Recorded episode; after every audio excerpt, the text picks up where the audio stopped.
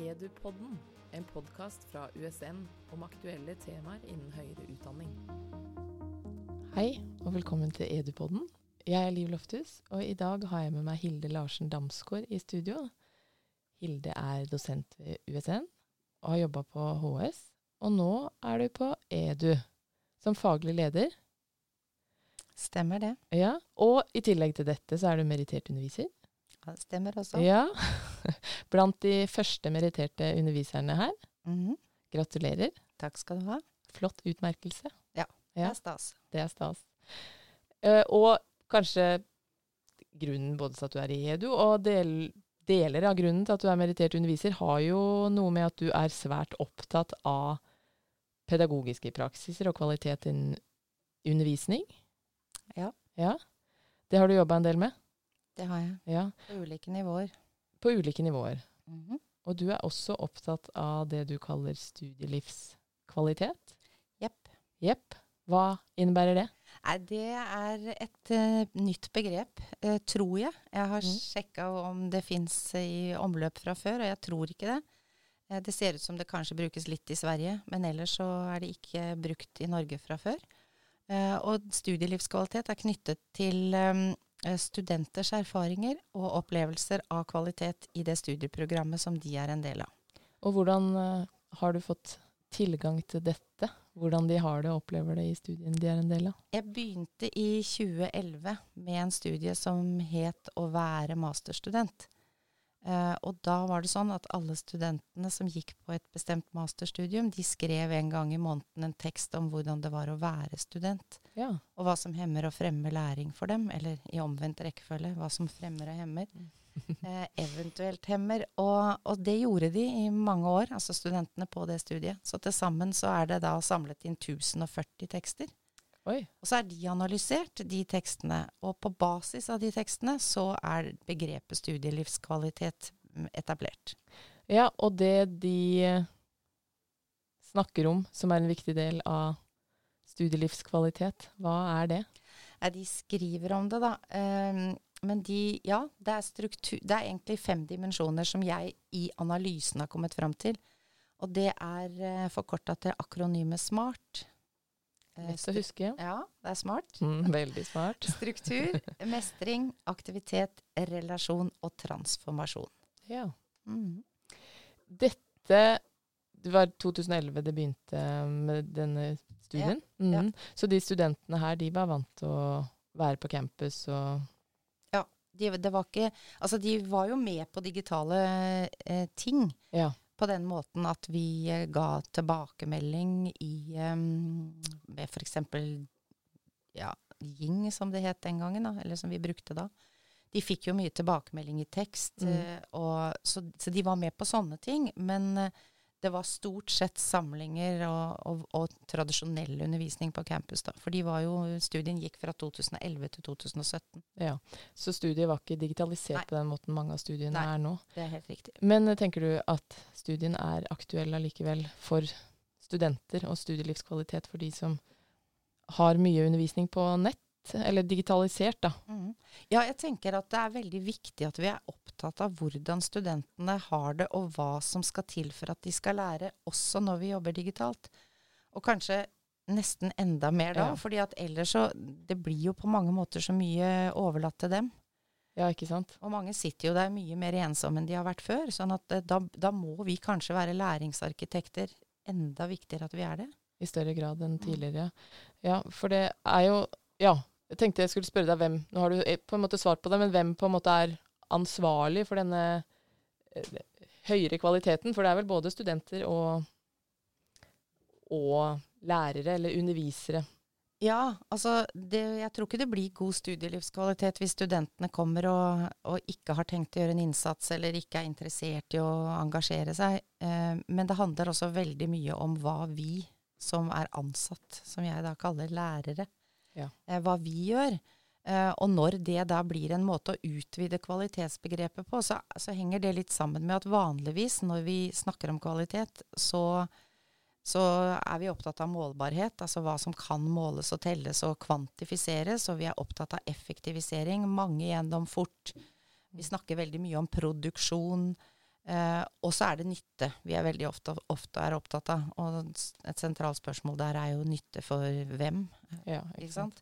Så da blir det å være opptatt av hvordan studentene erfarer det og opplever det, opplever, heter det kanskje, det er, det er ganske viktig, fordi at da får vi utvidet kvalitetsbegrepet og får inn noen kvalitative dimensjoner. Ja, som sikkert også kan øke den andre typen kvalitet som du snakker om, sant? det med målbarhet. Og, Ja, for, hvis det ligger til grunn, det helt gode riktig. opplevelser. Jeg tenker det Mm. også, at hvis vi får til gode læringsomgivelser, så er det jo mer sannsynlig at eh, flere studenter gjennomfører til normert tid òg. Ja, ikke Mm. sant. Så tilbake til disse begrepene, da. De smarte. Først så snakker du om eh, struktur. Mm. Hva er det du legger i eh, Eller de. Hva legger de, studentene, og du? Ja, altså studentene skriver mye om det at det er klare rammer, at det er forutsigbart eh, det som skal foregå, at det er tydelige forventninger, altså at det stilles krav til dem, at det er en sammenheng mellom de ulike elementene og, og ulik tematikk.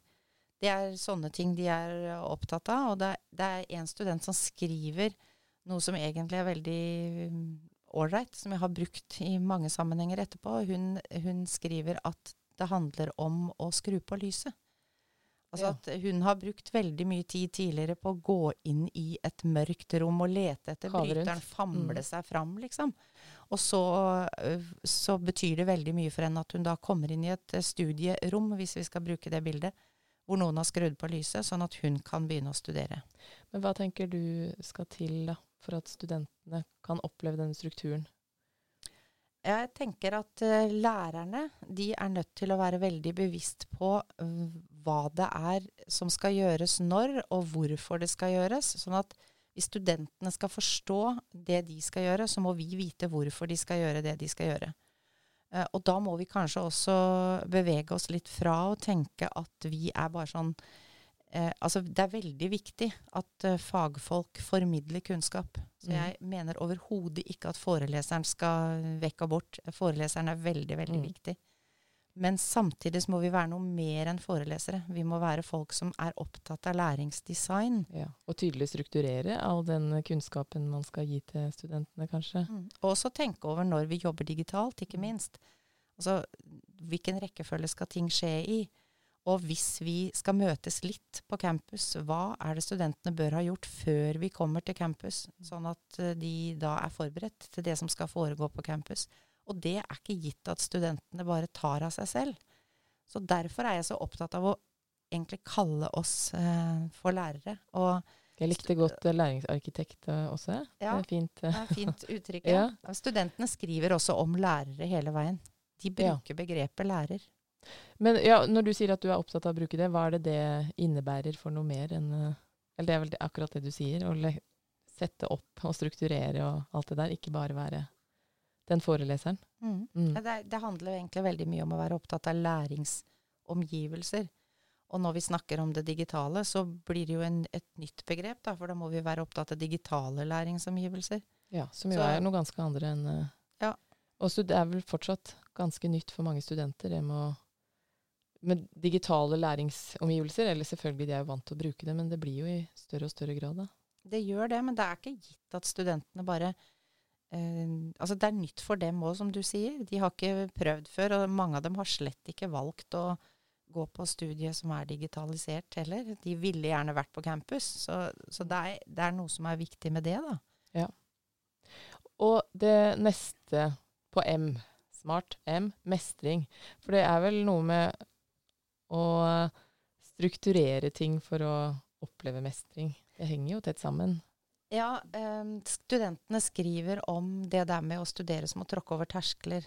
Eh, altså at de møter utfordringer som de ikke har møtt før. Og så er det noen som tenker at det her blir rett og slett for vanskelig. Og så er det mange som skriver at det blir akkurat så vanskelig at jeg trodde jeg ikke klarte det, og så fikk jeg det til likevel. Ja. Og for å få det til, så skriver de mye om betydningen av å være tett på.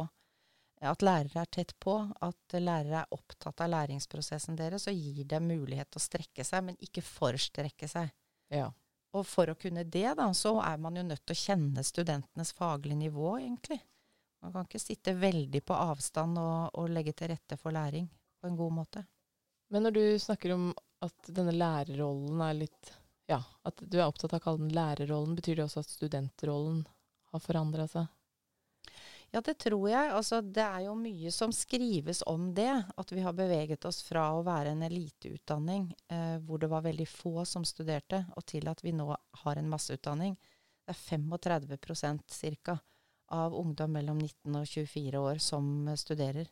Og de gjør det fordi samfunnet forventer det av dem. Mm. Og da blir det egentlig veldig rart hvis vi skal se bakover og si da jeg tok hovedfag. Og, ja. Fordi det det er, ikke, sånn det er lenger. Nei, så det er både ja, andre studenter, og da må det være andre undervisere også. Ja, en annen måte å nærme seg den studentgruppa på. Mm. Uten at man selvfølgelig skal ta fra dem ansvaret for å, å jobbe med ting selvstendig. Mm. Men eh, ja, det, men å oppleve mestring, den viktigheten av det, er et viktig poeng. Og så er det dette med aktivitet. Hva er det du legger i det? Nei, det som er interessant med det, det er at uh, i den sammenhengen så trekker faktisk studentene forelesning fram. Og det ja. skulle vi kanskje ikke tro. Det er ikke sånn veldig aktiv nei, form, det. Nei, du ser liksom for deg at da sitter de der og hører. Men, mm. men uh, da er det forelesninger med rom for dialog. Ja. Som er veldig viktig for dem. Og da, det handler ikke bare om å kunne få lov å stille spørsmål og få svar.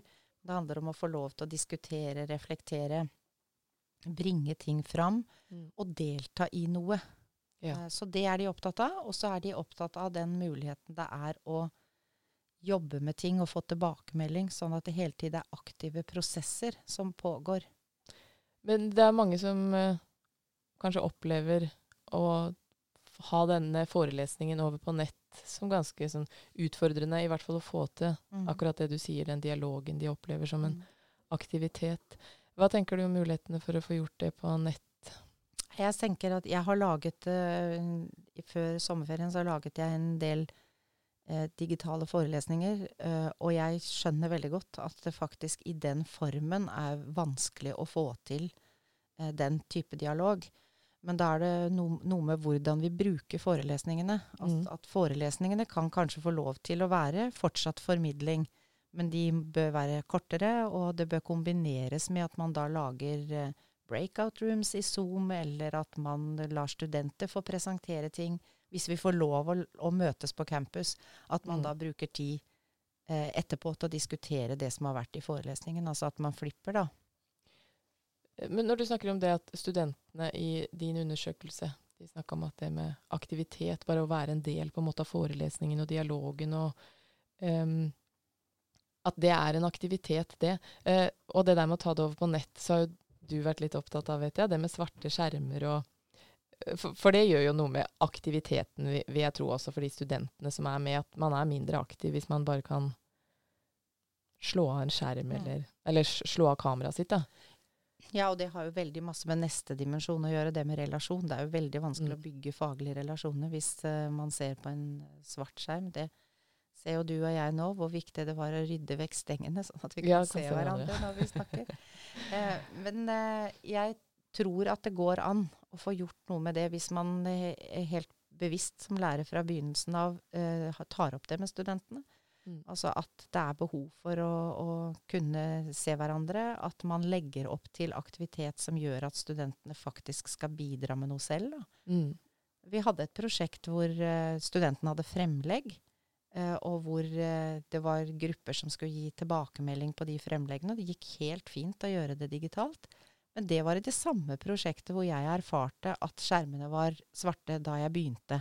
Ja. Og da krevde mm. det en samtale med studentene om de viktige forutsetningene det er å kunne se hverandre og delta for å få til en, en god læringssituasjon. Mm. Der tenker jeg igjen at det der med å være tydelig på forventningene man har til hverandre, da, er uh, avgjørende for, for, hva som skjer i undervisningsrommet.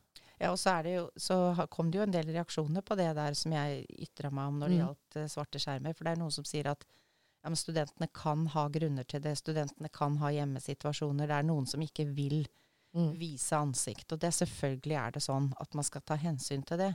Men det gjelder ikke studenter flest, og det går an å etablere fora som er mer hensiktsmessig hvis vi snakker om hva som skal til for å etablere faglige relasjoner på nett. Ja.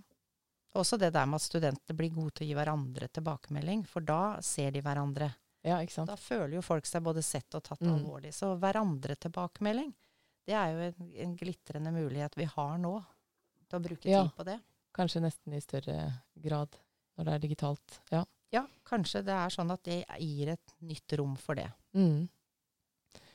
Da, den siste dimensjonen du, snak, du snakker om, er transformasjon. Hva legger du i det? Eh, studentene skriver i sine tekster noe om, eller ganske mye om det, at det å, å være student, det gjør noe med dem faglig. Mm. Altså de lærer nye ting, de uh, forstår ting på andre måter, de skifter perspektiv, og det gjør noe med dem menneskelig. Ja. Så plutselig så deltar de på andre måter i diskusjoner i vennekretsen. De leser nyheter eller ser nyheter på en ny måte. Og noen av dem bruker uttrykk at de tar av seg de fordomsfulle brillene de hadde. ja. Uh, Og da beskriver egentlig studentene en form for danning. Altså at det foregår en forandring både faglig og, og menneskelig. En utvikling. Og, og det som er, tydelig i den studien som ligger til grunn for begrepet studielivskvalitet, det er at den transformasjonen, den finner sted innenfor strukturerte og forutsigbare læringsomgivelser hvor det er rom for mestring, og hvor studentene aktiviseres og etablerer faglige relasjoner. ja, ikke sant. Så den eh, siste T-en kommer som en følge av at de andre begrepene innenfor kvalitetsbegrepet er, eh, ligger der. Mm. Mm. Man kunne egentlig tenkt at den T-en også kunne stått for trening. For studentene er veldig veldig opptatt av muligheten til å trene og øve seg, sånn at de blir bedre på det de ser de trenger å bli bedre til. F.eks. å skrive, da. Så istedenfor at man sier til studentene at dette burde de kunne, så kanskje vi skal se det som en gyllen anledning nå til å drive med prosesser hvor studentene får tilbakemelding og skriver på nytt, og Mm. får tilbakemelding og skriver igjen. Men jeg tenker jo at denne her eh, En sånn undersøkelse, det er jo kjempenyttig å få studentene til å være med og, og definere hva på en måte studielivskvalitet eh, er. Eh, Det må ha vært veldig nyttig for de som var med også, å gjøres oppmerksomme på sin egen eh, studiehverdag på den måten der. Ja, det er det, det er det mange av de studentene som sier noe om. De, det er, Ja. Jeg møtte senest en i går som sa noe om at hun fortsatt var inne og så på sine egne refleksjoner fra den gangen. Det er jo helt fantastisk at Hun det har var, hun var et av de første kullene som skrev, så det er jo mange år siden. Ja. Men eh, hva tenker du da at nå, nå har man sånn, den slags informasjon, forskning på dette her, og hva skal på en måte til for at eh, vi skal kunne ta i bruk dette her og få økt kvaliteten i høyere utdanning? Ja, det krever noe av studentene. Altså, det krever jo det at studentene ser at eh, selv om samfunnet forventer at de skal studere, så det på, på en måte er en sånn naturlig ting å gjøre da, for mange, så krever det jo en innsats. Altså, de er nødt til å ville det, de er nødt til å legge engasjement i det, eh, og, og ta et ansvar for det å være student. Så det er ett element. Det blir ikke god studielivskvalitet av at man eh, sitter stille og tenker at noen skal Mate mate en med kunnskap, liksom. Eh, men så er det også sånn at dette handler om eh, at vi som jobber i høyere utdanning, som er vitenskapelig ansatte, også må se læring som vårt anliggende. Ja. Altså det, det er veldig vanskelig for meg å, å se at det blir gode læringsomgivelser hvis ikke vi er opptatt av hvordan studentene skal lære det som vi er opptatt av å formidle. Men jeg tenker ja, at det er eh, viktig at studentene gjør en innsats, og selvfølgelig de fagansatte. Men eh, ligger det til rette for at de fagansatte kan legge inn alt dette? Altså det er ikke gjort eh, sånn i en håndvending. Nei, um, det er bra at du spør om, for det er faktisk en brannfakkel, eller eh, som jeg har, da. Kanskje ikke så brannfakkel lenger, for det er flere som mener det. Men jeg er veldig opptatt av det at vi kan ikke tenke på uh, den digitaliseringen som skal fortsette nå, som en form for dugnad. Det var veldig bra at høyere utdanning viste at vi kunne snu oss fort rundt når det var nødvendig. Og det skjedde veldig mye på kort tid da vi begynte, å, eller da vi måtte lukke ned. Men nå er det sånn at hvis vi skal få til den digitale transformasjonen, altså den virkelige endringen, der det digitale ikke blir noe mål i seg selv, men blir et ledd i å lære, da, eh, så må faktisk noen som eh, prioriterer ressurser til høyere utdanning, skjønne at dette krever ressurser. Og det krever at man får mulighet til kompetanseheving, og det krever tid. Så der man nå har ledere i systemet som sier at uh, det krever like lite ressurser, for å bruke det uttrykket, på å lage en, et digitalt læringsopplegg som det krever å forberede en, en forelesning, det, det, går ikke. Det krever mer, og det krever en omstilling. Eh, og det krever at vi da både har tid til det, og at det anerkjennes at dette her er noen sjumilssteg som vi skal ta. Mm. Så det må være noen rammevilkår, rett og slett, mm. som eh, ligger til rette for at eh, dette skal bli en varig og god praksis. Så med den eh, oppfordringen til de som eh, deler ut ressursene, så takk for praten, eh, Hilde. Takk i like måte. Edupodden